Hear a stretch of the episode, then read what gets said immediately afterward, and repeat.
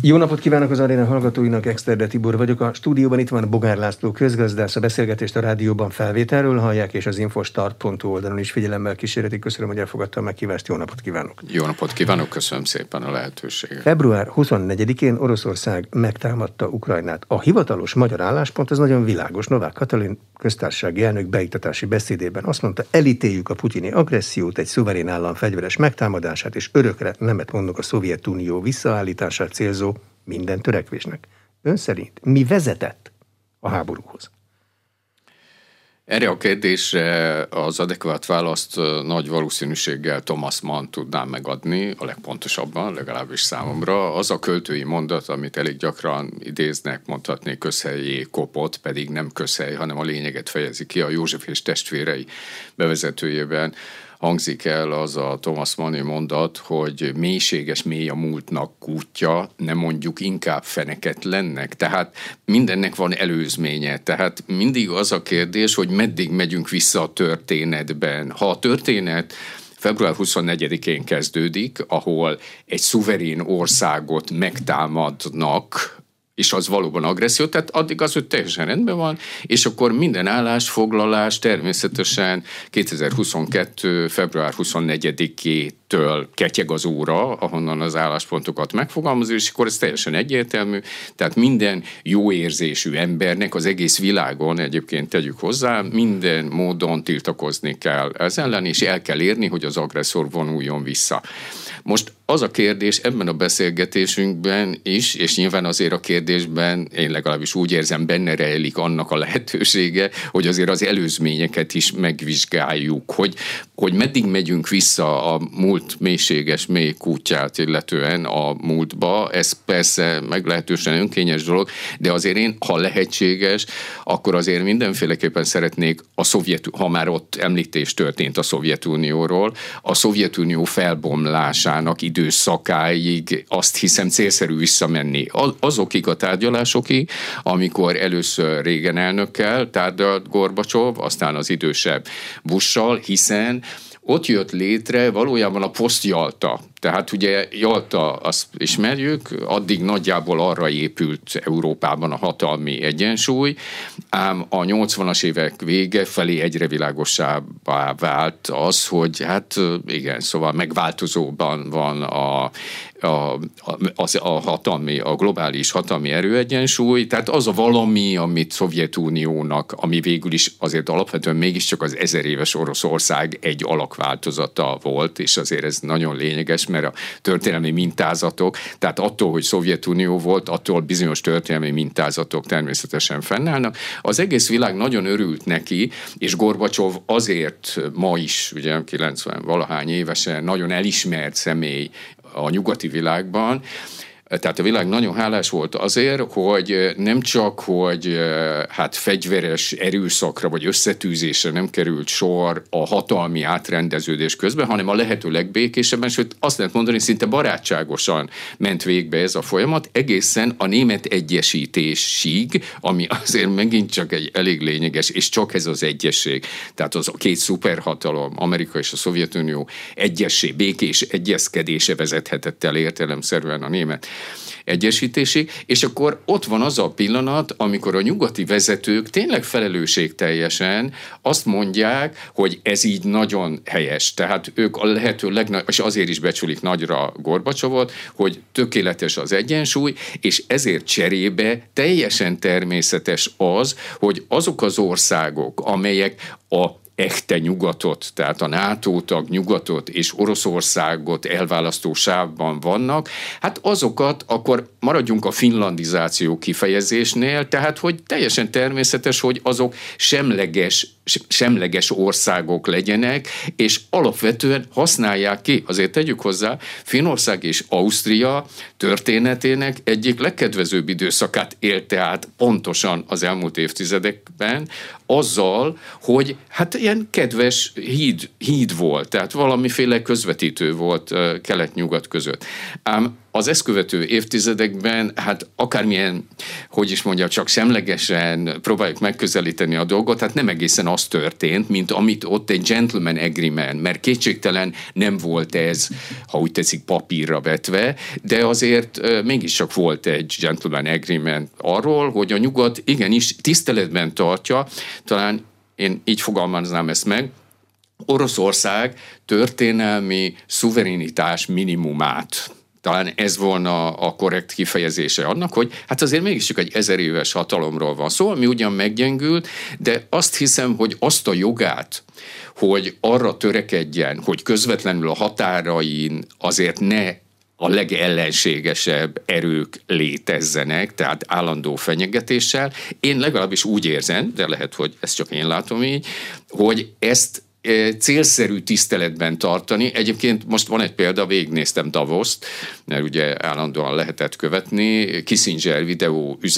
üzenetében, majdnem szóról ezt fogalmazta meg, tehát, hogy Oroszország ezer éve létezik, és nagy valószínűséggel azért elég hosszú ideig létezni is fog, tehát ő nem ezeket a szavakat használta, de végül is erről beszélt, hogy egy ilyen hatalomnak igenis van egy történelmi szuverenitás minimuma, és azt célszerű mindenkinek tiszteletben tartani, mert egyébként viszont ne csodálkozzunk abbo, azon, hogyha nem tartják, lehet ezt csinálni, hogy nem tartják tiszteletbe, de akkor ebből egyre súlyosabb konfliktusok származnak. Ez vezetett, akkor most nagy ugrás 2014-be,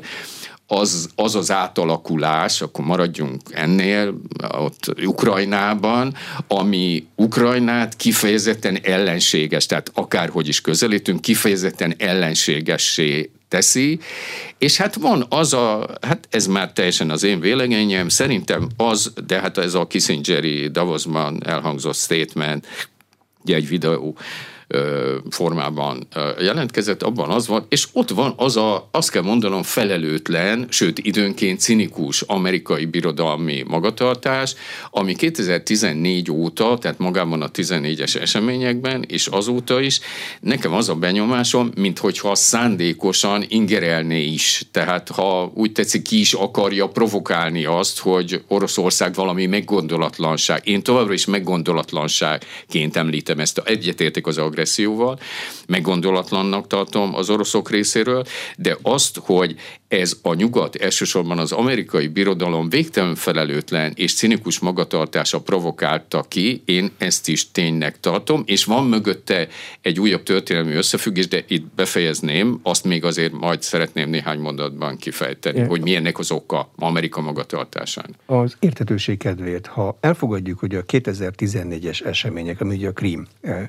annexiója, az már egy következmény, akkor ki mivel tette meg az első lépést az egyensúly megbontása érdekében? Hát 2014-ben én azért a, a Majdan, mint hívó szót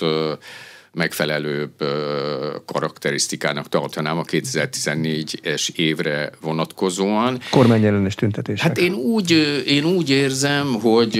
az, az, a, az a beavatkozás, amit egyébként Victoria Nalent asszony, aki azért a State Department meghatározó személyisége volt, van és lesz, független attól, hogy ki a miniszter, de azért Victoria Nuland igazi döntéshozó ott, és ez nem összeesküvés elmélet, mert ő maga is világossá teszi cselekedeteivel, hogy, hogy erről van szó. Tehát én úgy érzem, hogy ott azért elég mesterségesen és szándékosan provokálták ki azt, hogy Ukrajnában olyan erők kerüljenek hatalomra, és azóta folyamatosan ez történik, sőt egyre inkább ez mélyül el, amelyek hát készségesen asszisztálnak azokhoz a sok esetben gátlástalan és színikus amerikai birodalmi célokhoz, amelyeket egyébként Kissinger is bírált. És ennek az alapvető oka, és akkor itt jönne az a rész, igyekszem néhány mondatban összefoglalni a lényeget, ha rátekintünk a világra, akkor egy valamit tudomásul kell venni, amit ott Jalta után az amerikai döntéshozók úgy fogalmaztak meg, hogy Amerika bent, Oroszország kint, Németország meg lent, e, és ennél egyértelműbben és rövidebben nem lehet megfogalmazni a lényeget. Ebben az van benne, most az elmúlt 77 évre, az 1945 után elmúlt 7 évre a, a vonatkoztatva, hogy az amerikai birodalom számára, és egyébként ezt Brzezinski szó szerint is megfogalmazta valamikor 70-es évek végén, hogy az amerikai birodalom számára nincs veszélyesebb fejlemény a világban, mint Európa, Oroszország és Kína eurázsiai együttműködési rendszere, amely adott esetben, és ez a legveszélyesebb, a kölcsönös előnyökre épülő stratégiai szövetségé alakulhat át, hiszen, és ez könnyű belátni, hogy ez valóban így is van, ez tökéletesen így van, mert Európa, Oroszország és Kína a kölcsönös előnyökre épülő hosszú távú stratégiai együttműködési rendszere a szószoros értelemben okafogyottá teszi Amerika globális szerepvállalását. És teljesen érthető, tehát én az amerikai birodalom döntéshozói, stratégiai döntéshozói szempontjából abszolút logikusnak tartom azt, hogy mindent igyekeztek, és mindent igyekeznek ma is megtenni annak érdekében, hogy a három szereplő, Európa, Oroszország és Kína közötti kölcsönös előnyökre épülő békés együttműködési rendszert megbontsák. Úgy, hogy egyenként is igyekeznek meggyengíteni ezeket a szereplőket, illetve a köztük lévő e- együttműködés lehetőségeit próbálják szétroncsolni. És még egyszer mondom, nem azért, mert gonoszak, meg rosszak, nem ezeket az érzelmi kifejezéseket ezekben a helyzetben azt hiszem nyugodtan elengedhetjük, hanem egyszerűen azért, a Churchill azt ki is mondta, amit lehet cinikusnak minősíteni, de attól még igaz, hogy ő kormányának nincsenek örök barátai és örök ellenségei, csak örök érdekei vannak. Egyszerűen azért, mert az amerikai birodalomnak ez az érdeke. Az, hogy a felszínen, a retorikában, a, kihasználva azt a lehetőséget, hogy azért a globális média azért alapvetően az amerikai birodalom kezében van, tehát a narratívák globális háborújában értelemszerűen Amerika utolérhetetlen. Ezt nem is tudom értelmezni sem, hogy valaha is nem ez lesz a meghatározó, pedig egyszer biztosan bekövetkezik, hogy a felszínen narratívaként ennek pont az ellenkezője hangzik el, az teljesen érthető, hiszen azért ezzel kiállni, hogy azért Egyébként Brzezinski ezt is kimondta, a programozott káosznak nevezte, tehát hogy adott esetben az amerikai birodalom a saját fennállása és megerősödése érdekében a programozott káosz stratégiáját is választhatja, hogy ahelyett, hogy a világrendet tartaná fenn világbirodalomként, éppen ellenkezőleg ő bontja meg a már meglévő rendet. Most szerintem ez a háború, amit most már mindenki proxy háborúnak nevez, tehát ez egy amerikai-orosz háború természetesen, ezt, ezt ma már azt hiszem mind, mindenütt, tehát nem kell ahhoz alternatív, meg összeesküvés elmélet, meg egyéb, a mainstream is ezt állítja, hogy ez csupán a felülete, tehát a legfelszínibb szintje az egésznek, mögötte egy amerikai-orosz konfliktus van. Nagy valószínűséggel az amerikai birodalom úgy látta, hogy ha a három, tehát Európa, Oroszország és Kína, tehát a három alapvető szereplő közül kettőt egymásra úszít, egyébként az első és második világháború is erről szólt, egymással szembe kell vezetni Németországot és Oroszországot, és akkor azok úgy lefoglalják egymást, a második világháború földig is rombolták egymást,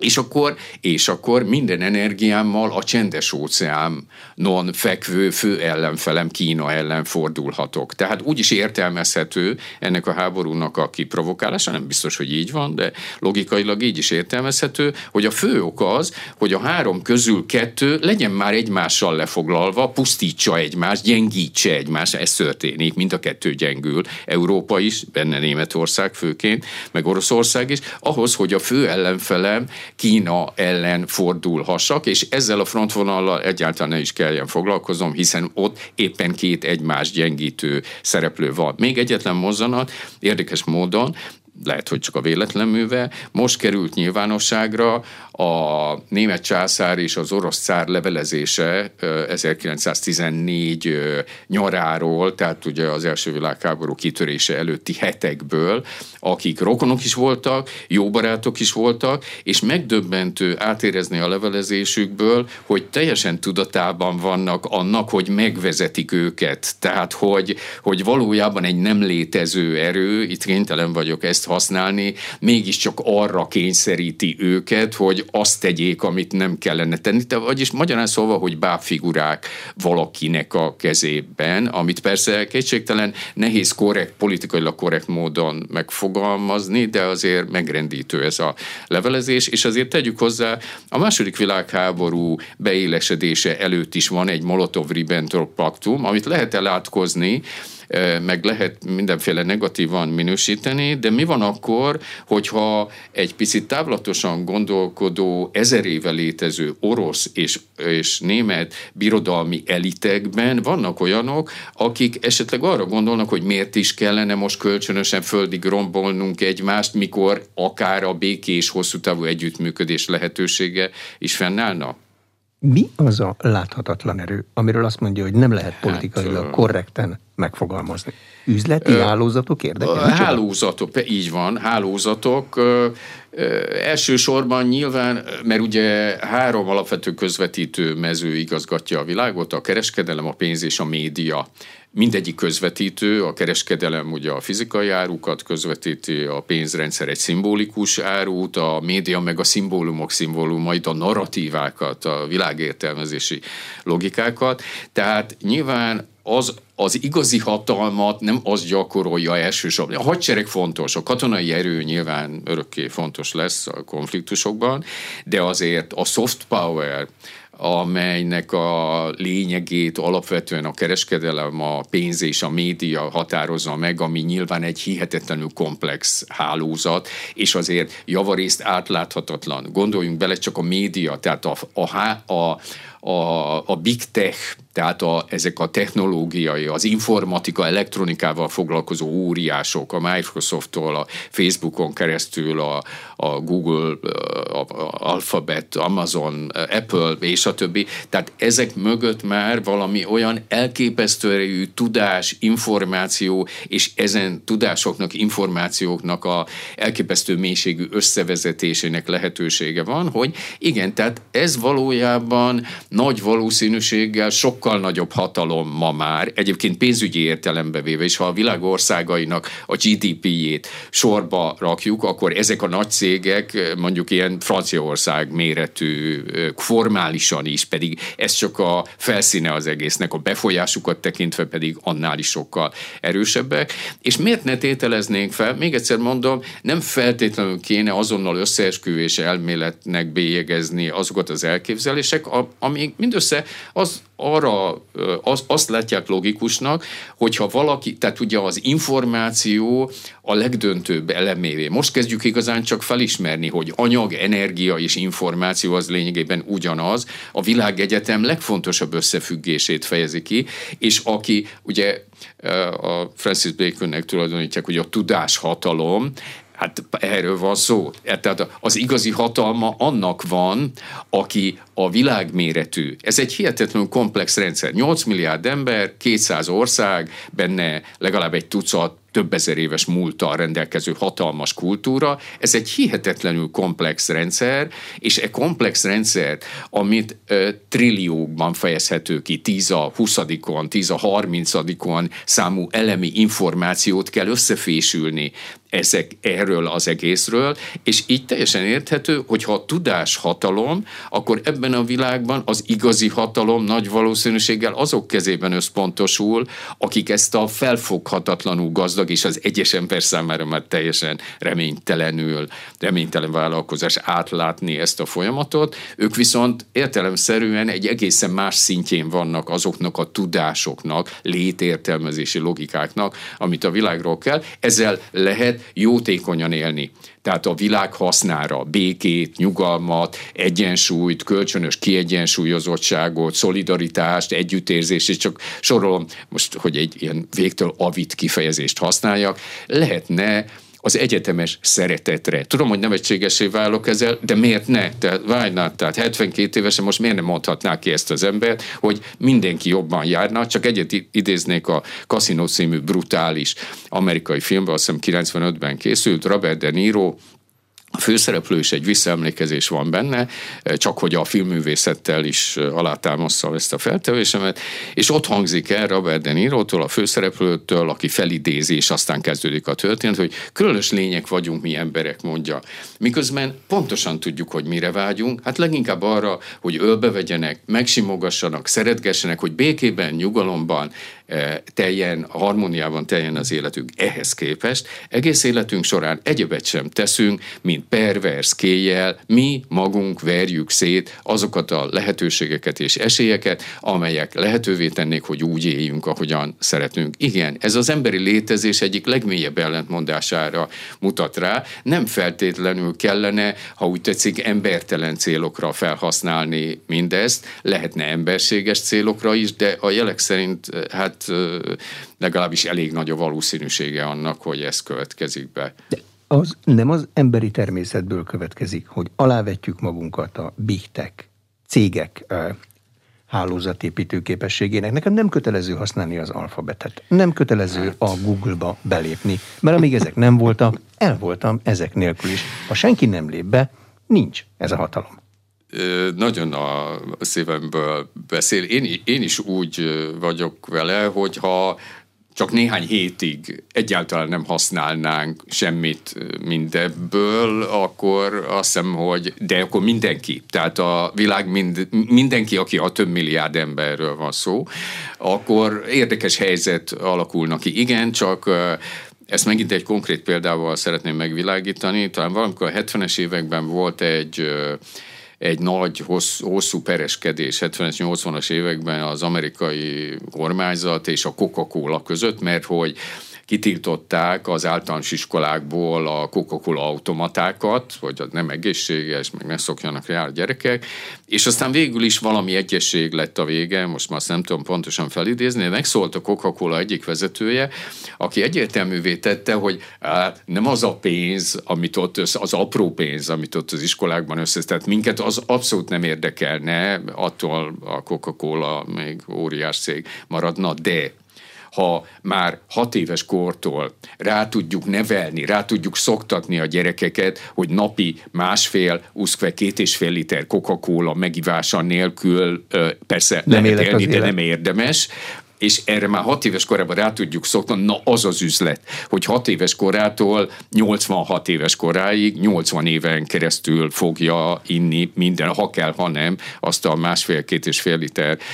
Coca-Colát. Hát inkább valami ilyesféléről lehet szó, hogy azért az, hogy hogy értelemszerűen már az óvodában elkezdődik a megdolgozása a gyerekeknek. Ugye öt unokám van, a legnagyobb már egyetemista, a kicsi most megy majd iskolába, tehát azért átéltem azt a folyamatot, hogy milyen elképesztően kifinomult, ráadásul szinte észrevétlen és kifinomult módon lehet már 5-6 éves kortól úgy bevonni a gyerekeket ebbe a világba, hogy azt követően az, amit ön az előbb mondott, és amivel én érzelmileg tökéletesen egyetértek, hogy tegyünk kísérletet egy globális sztrájkra,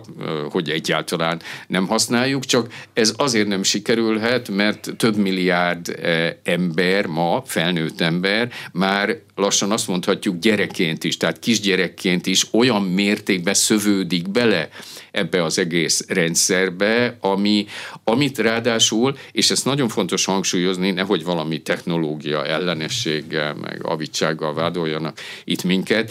használható jóra is. Hogy hát ahogy el... az előbb, hát miért ne lehet, csodálatos dolgok vannak benne, de... Eljutunk a hallgatókhoz. Éppen most ön eljut a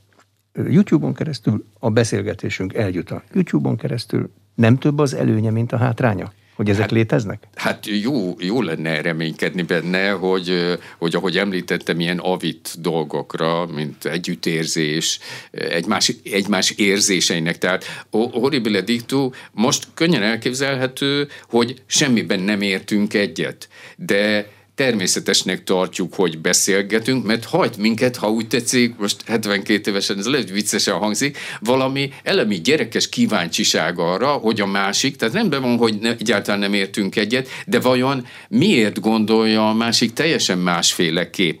a, tehát hogy az a jó indulatú, alapvetően mégiscsak a bizalomra épülő kíváncsiság, hogy szeretném tudni. Most azért itt hagyáruljam el, a jövő héten, öt nap múlva, vagy hat nap múlva bemegyek például a Partizánba nem azért megyek be a partizánba, mert azt gondolnám, hogy bármiben is egyet fogunk érteni Gulyás Marcival, hanem azért megyek be, mert nagyon kíváncsi vagyok arra, hogy öt órán keresztül, mert ez ilyen életút interjú lesz, vajon hogyan próbáljuk megérteni, átérezni azt, hogy a másiknak miért nyújt egy egészen más látványt az a világ, mint nekem, mert alapvetően erről van szó, hogy a narratíva, az az elbeszélési mód, ugye az, az én kedvenc mottom mindig Oswald Spenglernek a Nyugat Alkonya bevezetőjében hangzik el, annyi világ van, ahány lény a világon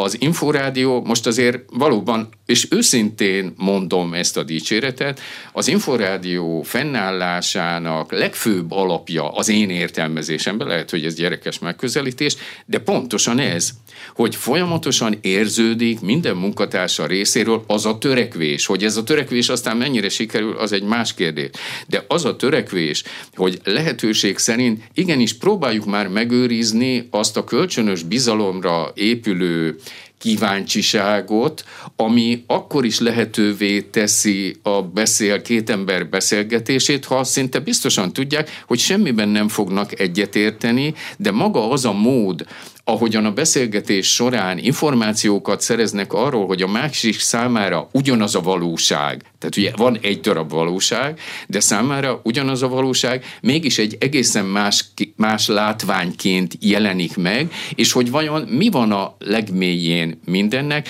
és akkor megmerem kockáztatni, hogy tudom, hogy ez végtelen naivitás, de azért nem zárnám ki teljesen a lehetőségét annak, hogy mi van akkor, hogyha ennek nyomán egy picit megfordulna mindenki a fej, mindenkinek a fejében, hogy mi volna, ha úgy esténként így elnyugszom, végiggondolom a napomat, és esetleg és esetleg az eddig vélt narratívám, tehát az az elbeszélési mód, ahogy eddig láttam a világot, és annak alapján, ami benyomások értek ma, egy icipicit szétszedném a tegnapi narratívámat, és újra összeraknám, de már úgy, hogy árnyalatni a különbség, de ez ebben van a dolog lényege. Ha mindig képesek lennénk jó szándékúan és bizalommal eltelve, nyitottnak lenni arra, hogy igenis szétszegy, elég macerás dolog ez persze, kényelmetlen is sokszor, hogy szétszedjem a tegnapi narratívámat, és megpróbáljam úgy összerakni, hogy abban már benne legyenek mindazok a tapasztalatokat, amiket ma átéltem, akkor én azt hiszem egy árnyalatnyival lehetne akár emberségesebb hely is a világ, de még egyszer mondom, lehet, hogy ez merő gyerekes naivitás, így az akkori szenilitás 72 a, éves korban már. Mi dolgunk ennél egyszerűbb, elura. azért akkor tudunk egyetérteni, vagy nem egyetérteni valakivel, ha előbb tudjuk, hogy mit miért gondol. Én is úgy gondolom, ez a, hogy ez a lényeg. Ez a technika. Most látszik-e már, hogy az orosz-ukrán háborúnak milyen gazdasági következményei lesznek hosszabb távon? A rövid távon például a gabonaválságot, azt már látjuk. Energiaválságot, azt is látjuk, de ez most van. Hát ha ugye lassan 50 éve lesz, hogy átvettem a diplomámat a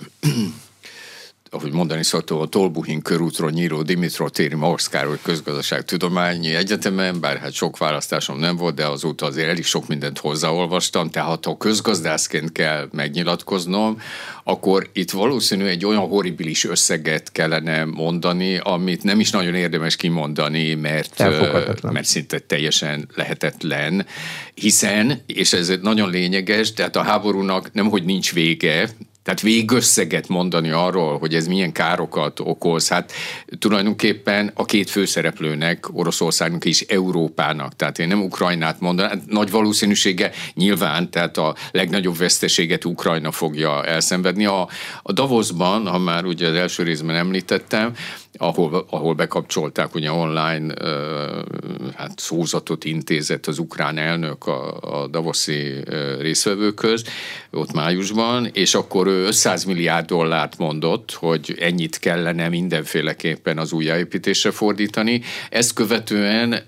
a valamelyik gazdasági miniszter már 750 milliárd, ott Ukra- Ukrajnában 750 milliárd dollárról beszélt, és úgy tudom van a valuta alapnak és a világbanknak valamilyen, inkább csak vázlat mindenről, ahol már 1100 milliárd dollárról beszélnek. Na most ez is azt jelzi, és ez kizárólag csak az Ukrajnát ért veszteségeknek a, a valamiféle kompenzálását jelenti. Az ha hozzáteszük azt, hogy azért nyilván Oroszország számára is jelentett azért ez némi költségeket, tehát legalább ekkora, tehát ezer milliárd dolláros nagyságrendben, és azt hiszem nem tévedünk nagyot, hogyha Európa veszteségeit is már is ezer milliárdos, na, ezer milliárd dolláros nagyságrendűnek véljük, és még egyszer mondom, nem csak, hogy nincs vége a háborúnak, hanem én legalábbis úgy érzem, akkor csak a magam nevében beszélek, nincs senki, aki csak hozzávetőlegesen meg tudná mondani, hogy mikor fog véget érni ez a háború, de már már is van a jelek szerint több ezer milliárd dollár. Tehát ilyen 3, 3 ezer, 5 ezer milliárd dolláros kár, vagy hát legalábbis ennyi a költsége ennek a háborúnak, és azt hiszem, hogy még hogyha nagyon derülátók vagyunk, és és azt mondjuk, hogy jó, de hát azért csak nem fog örökké tartani, mondjuk egy éven belül azért csak talál a világ valamiféle megoldást arra, hogy legalább a katonai szinten érje, tehát ha úgy tetszik valami fegyverszünet, noha ehhez nagyon fontos hozzátenni, hogy ezt ma rendkívül nehéz értelmezni is, mert ugye rendben van, a fegyverszünetig talán eljutunk, de ahogy, és itt kénytelen vagyok Orbán Viktort idézni, mert ennél egyszerűbben nem lehet megfogalmazni a lényeget. Ugye talán úgy fogalmazott itt legutóbb, hogy aki ukrán-orosz békeszerződést, vagy akár csak fegyverszünetet követel, a súlyosan téved. Tudni, ez már messze túl van ez a konfliktus azon, tehát itt kizárólag amerikai-orosz egyesség értelmezhető. Én ezzel tökéletesen egyetértek, tehát ez egy proxy háború, ahol, mint ahogy egyébként a vietnámi háborúban Amerika volt közvetlenül jelen, na de az is egy szovjet-amerikai háború volt természetesen. Itt most fordítva van, Oroszország van közvetlenül jelen, Amerika látszólag közvetlenül nincs jelen, de valójában ez ugyanúgy egy orosz-amerikai háború, és a, leg, a legsúlyosabb fejlemény ebben tulajdonképpen az, hogy csupa olyan döntés született, Euró, európai, tehát ha úgy teszik az Európai Unió részéről is, csupa olyan döntés születik, ami hát legalábbis igyekszem finoman fogalmazni, szóval erőteljesen megkérdőjelezi azt, hogy vajon valóban Európa érdekeit akarja-e, kívánná-e szolgálni ezekkel a döntésekkel az Európai Unió. Tehát mind, mindazok a lépések, amelyek az embargó, szankciók és a többi, azok valójában messze túlmutatnak önmagukon, hiszen egy olyan rendszert vernek szét, ami mondjuk az elmúlt 60 évben épült fel. Az elmúlt 60 évben ugyanis létrejöttek és beüzemelődtek, különösen a kelet-európai rendszervált, tehát ennek a 60 évnek az utóbbi 30 évében, eh, tehát a Gorbacsovi szak, a kibékülés, meg a, a kelet- és közép-európai rendszerváltások nyomán azért létrejött, és jó rosszul, de működött egy globális együttműködési rendszer, aminek megvoltak az intézményei, a valuta alaptól a, a WTO-n keresztül azok az intézmények, amelyek egy rendet, tehát egy világméretű rend, tehát az egésznek volt egy rendszere, amivel lehetett nem egyetérteni, meg sok ország gondolhatta úgy, hogy hát az nekem, ez nekem eléggé előnytelen, de legalább lehetett vele számolni, tehát, tehát valami volt, ami, amire azért mégiscsak lehetett építeni akár hosszú távú stratégiai döntéseket is, és most, ami történik, mondjuk az elmúlt fél évben, ami végbe ment, hogy azok alapvetően azok, akik ezt a rendszert felépítették, tehát azok a globális hatalmi tényezők, akik az elmúlt 60 év során ezt a globális, komplex társadalmi, gazdasági és mögötte nyilván politikai hatalmi együttműködési rendszert létrehozták, azok most fél év alatt a szankciókkal és a, és a embargókkal és egyebekkel, ők maguk verték szét ezt az egész rendszert. Tehát a, ami ami a hosszú távú kár, mert ugye ön is a hosszú távú kára gond, az szinte azért azért felbecsülhetetlen, mert amikor van egy 60 éve létező, és azért jól rosszul, de mégiscsak a világot igazgatni képes rendszer, és azt szétverem, akkor innentől kezdve elvileg végtelen árral is számolhatok, mert a világon senki nem tudja meg egy rendet viszonylag egyszerű szétverni. De, de hogy mi lesz a helyén, amikor ott pusztaság marad, és arra a pusztaságra milyen költségekkel, hogyan fogok majd egy olyan új rendet építeni, amely új rend ráadásul az egészen megváltozott, hiszen minden meg fog változni értelemszerűen. Az összes szereplő, az összes motiváció, ráadásul ott lesz egy csomó negatív szellemi energia is, a bizalmatlanság, a csalódottság, a gyűlölet a, és a többi, amelyek szimbolikus energiák, de anyagiakban is megjelenik, hiszen minden gazdasági együttműködés, mondjuk például a pénz, hát mi másra épülne, mint a hitre és a bizalomra. Ugye krédó és kredit, hit és hitel, ez teljesen egyértelművé teszi, hogy bizalom nélkül, tehát szellemi talapzat nélkül például a pénzrendszer sem működhet, és magát a pénzrendszert is, tehát a globális, az elmúlt 60 évben működő globális pénzrendszert is szétverték azok. Most nyilván ez egy hatalmi számítás,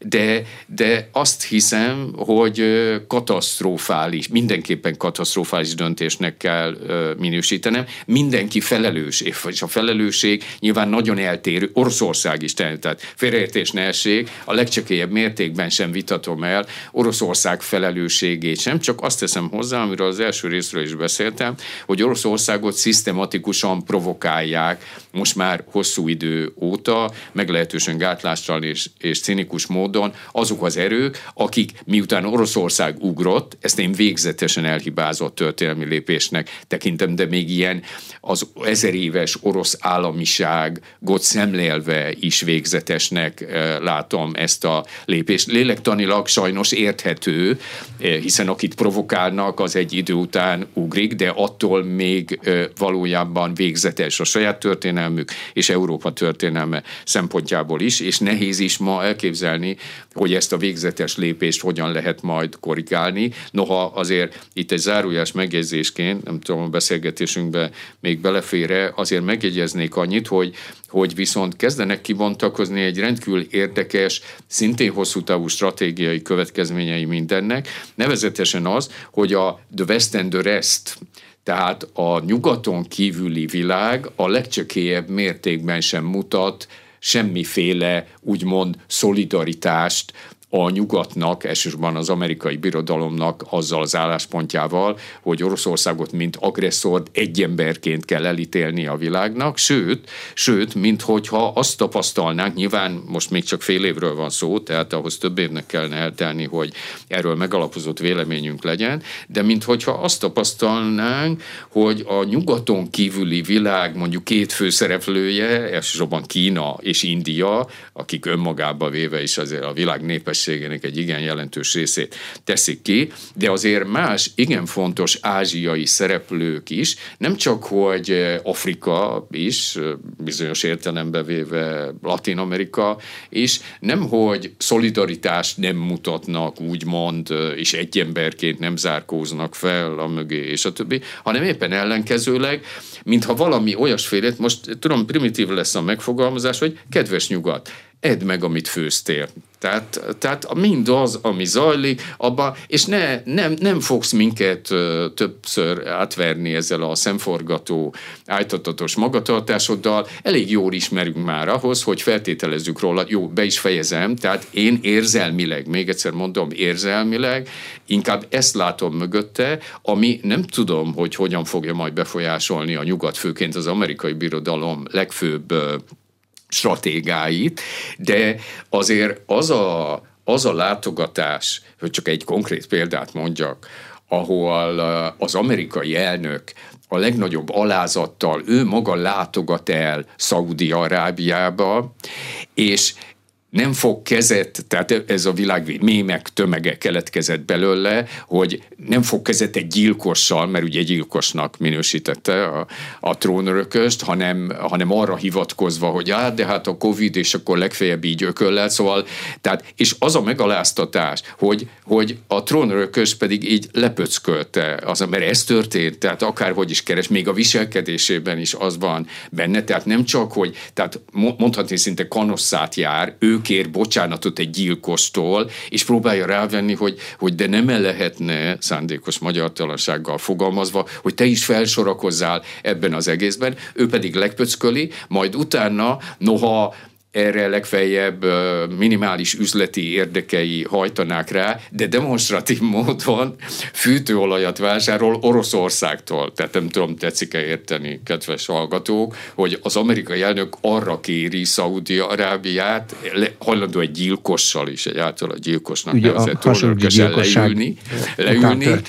és és arra kéri alázattal, hogy próbáljon már felzárkózni, meg hogy azért kövessem el, meg ha lehetne alkalmazkodjon már mindehez. Majd ezt követően Szaudi-Arábia is ez a trónörökös lepöcköli, kioktatja, és elmondja, hogy bocsika, de azért nektek is megvannak a magatok értékei, de nekünk is megvannak. És mi a jövőben szeretnénk a leghatározottabban a saját értékmeink mentén igazgatni, tehát köszönjük szépen. Majdnem, majdnem azt mondta, hogy a magyarban, hogy közöd, közöd mindehez, kösz, bocsi, tehát tudjuk mi, a nélküled is, hogy körülbelül milyen döntéseket kellene hoznunk. Majd ezt követően demonstratív módon nem, hogy követné mindazt, amire alázatosan az amerikai elnök kérte, hanem, hanem demonstratív módon, mondhatni szinte provokatív módon fűtőolajat, tehát ez a viccek vicce, fűtőolajat vásárol, igaz ócsóbban, és a maga olaját meg drágábban adja el, tehát, tehát, ez, tehát pragmatikus üzletemberként, de azért ebben nyilván a politikai fricska is benne van, Oroszország, tehát Szaúd-Arábia, tehát a világ két legnagyobb olajexportőre, mert erről van szó, az egyik olajexportőr, mert hol az egyik az első, hol a, hol a másik, az egyik olajexportőr a másiktól és a harmadik legnagyobb olajexport, ugye Amerika arra kérte, hogy vonuljon fel az ellen, és demonstratív módon pont az ellenkezőjét teszi. Nem tudom, hogy, hogy ennél ennél, hogy is mondjam csak, szóval eklatánsa példa arra, hogy a nyugat globális uralma, ami nagyjából 500 éve mondjuk Amerika felfedezőse óta teljesen egyértelműnek mondható, mi több a nyugatnak az a kísérlete, hogy a saját létértelmezési logikájára és létberendezkedésére épülve egyetemes civilizációt hozzon létre, vagyis nyugatosítsa az egész világot, tehát hogy ez ez a végzetes tévedésre épülő 500 éves kísérlet most, most omlik össze éppen az amerikai birodalom 100 éves uralma nyomán. Nem tudom, hogy kell-e ennél kiúzanító lépés a nyugat és a nyugati stratégiai döntéshozók számára. Valószínű egyébként kell. Engem meggyőz. Az a az az angol kifejezés, hogy restlessness, egy kicsit nehéz kimondani, ami azt hiszem a, nem tudom, talán 18-ban vagy 19-ben, ugye minden évben van Münchenben ez a globális biztonsági konferencia, és ez volt a hívószó, a restlessness, amit fordíthatunk nyugat nyugattalanodásnak, de nyugattalanításnak is, mert az ugyan nem lehet kérdéses, hogy különösen Kína rendkívül látványosan nyugatosította magát a 70-es lassan 50 éve lesz, a 70-es évek végétől, vagy 44 éve egész pontosan, ahogy a nyitás elkezdődött 78-ban. Tehát Kína valami elképeszt szuperkapitalizmust. Ez is egy vicces dolog, hogy a, a világ egyik legrégibb 3000 éves szakrális kultúrája kommunista diktatúraként szuperkapitalizmust épít, aminél az agyváb mondatot elképzelni se lehetne, pedig ez a, ez a pragmatikus valóság. Tehát kétségtelen, hihetetlen sikeresen nyugatosodott Kína is, nyugatosodott India is, noha kicsit másféleképpen, meg minden más ázsiai ország, meg latina, más választása nem is nagyon volt egyetlen országnak sem az elmúlt 500 évben, de most amikor a nyugatról pontosan az derül ki, hogy nem, hogy egységes civilizációra, egyetemes civilizációra épülő egységes világrendet nem tud összetartani, hanem épp ő maga az, aki gerjeszti a káoszt ebben a rendszerben. Ez most valami elképesztő számomra is megdöbbentő erővel, és ahogy a szaudi trónörökös előadta, hát meghökkentő, mondhatni halálmegvető bátorsággal megy végbe, hiszen azért a szaudi trónörökös is tisztában van azzal, hogy az amerikai katonai gépezet, hát ha nem is néhány nap alatt, de mondjuk két hét alatt ugyanúgy megsemmisíthetné Szaudarábiát is, mint ahogy Irakot megsemmisítette, de mégis úgy érzi, hogy nincs abban a helyzetben, és valószínűleg igaza van az amerikai birodalom, hogy ugyanazt tegye, mint 2003 2003-ban Irakkal tehetne. Tehát ez a közel 20 év egyértelművé tette, hogy az amerikai birodalom szellemi értelemben egészen bizonyosan hanyatló fázisban van. Attól még feltámadhat a, a római birodalom is, már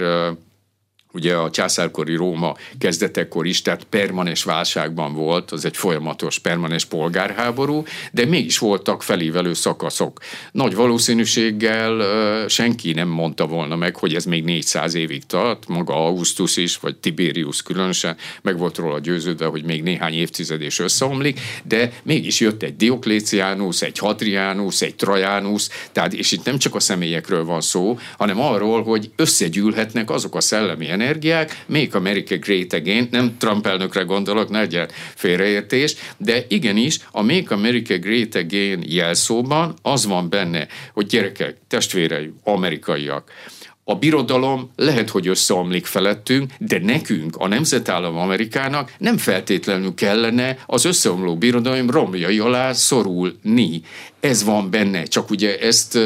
értelemszerűen nyíltan sem, hát Amerikában pláne nem, meg úgy általában sem célszerű kimondani, pedig ebben a jelszóban valójában a nemzetállam Amerika és a birodalom Amerika egyre súlyosbodó konfliktusáról van szó, amire, aminek Trump legalább kísérletet tett a kezelésére, de az új adminisztráció az úgy kezeli, hogy jó, az csak egy kisiklás volt, most szépen visszatérünk oda, ami előtte volt. Csak az derül ki, itt a midterm választásban, novemberben csatornus választ fognak kapni arra, hogy ja, vissza akarsz térni oda, ahol ahol az befejeződött Trump előtt, csak az az aprócska probléma van, hogy az az oda, ahova te vissza akarsz térni, az már réges-régen nem létezik, és ezért fog a semmibe húlni, méghozzá roppant látványosan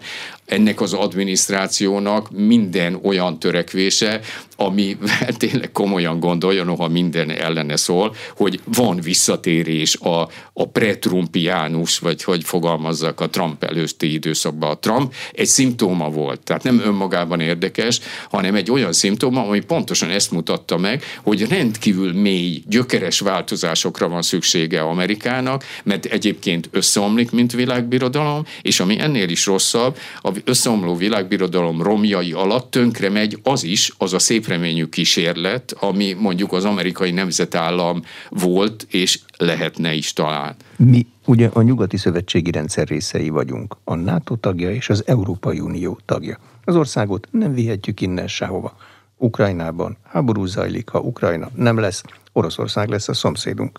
Kínaiul nem beszélünk. Az oroszokkal a legutolsó tapasztalatunk az, hogy az utolsó forradalmunkat vérbe folytották, majd 40 évig itt állomásoztak. Most akkor hova tájékozódjunk?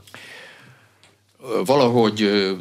tökéletesen egyetértek, valóban erre kell részben pragmatikus, rövidtávú, mert azért most rövidtávú, gyors válaszok is kellenek, még persze stratégia, és abba kéne ágyazni a taktikai döntéseinket a, a stratégiába. Igen, valóban úgy áll a helyzet,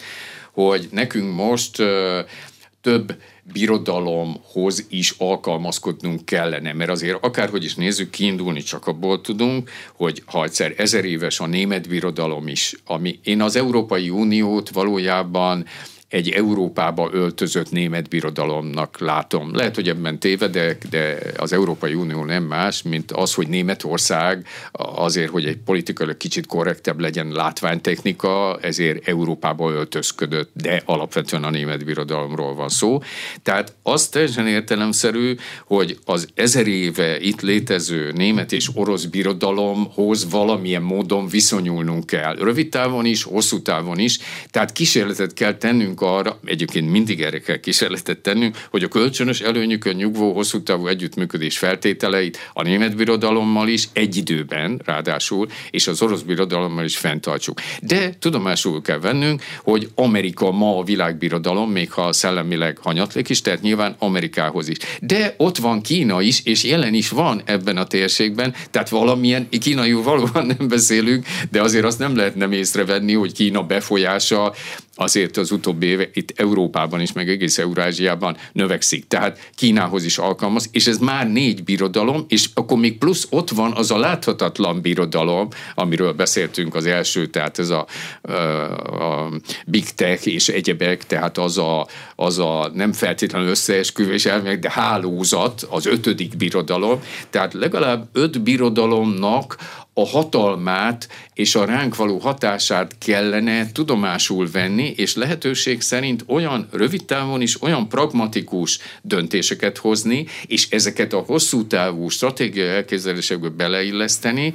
hogy ne hújjunk már a semmibe, mert azért kétszer rohadtul megszívtuk. Kénytelen vagyok ilyen hétköznapiasan, vulgárisan fogalmazni, hiszen mind a két világháború, hát különösen az elsőből, felfogadatlan veszteségekkel kerültünk, kerültünk ki. Ha ez valóban egy harmadik világháború, és számos jel utal arra sajnos, hogy az, vagy válhat azzá, tehát kizárni egyáltalán nem tudjuk. Nagyon jó lenne, hogyha legalább mi magyarok annyit mindenképpen megtanultunk volna az első és második világháború hihetetlen pusztításából és veszteségeiből, hogy ha ez egy harmadik világháború, ne kerüljön már ki egy újabb történelmi tragédiával, megint abszolút vesztesként, de ahhoz arra volna szükség, hogy belül is, erről itt nem szóltunk, mert belpolitikát nem említjük nagyon helyesen, tehát azért belül is kellene valami minimális, minimális egyesség azzal kapcsolatban, hogy a mi érdekünk minden körülmények között a béke,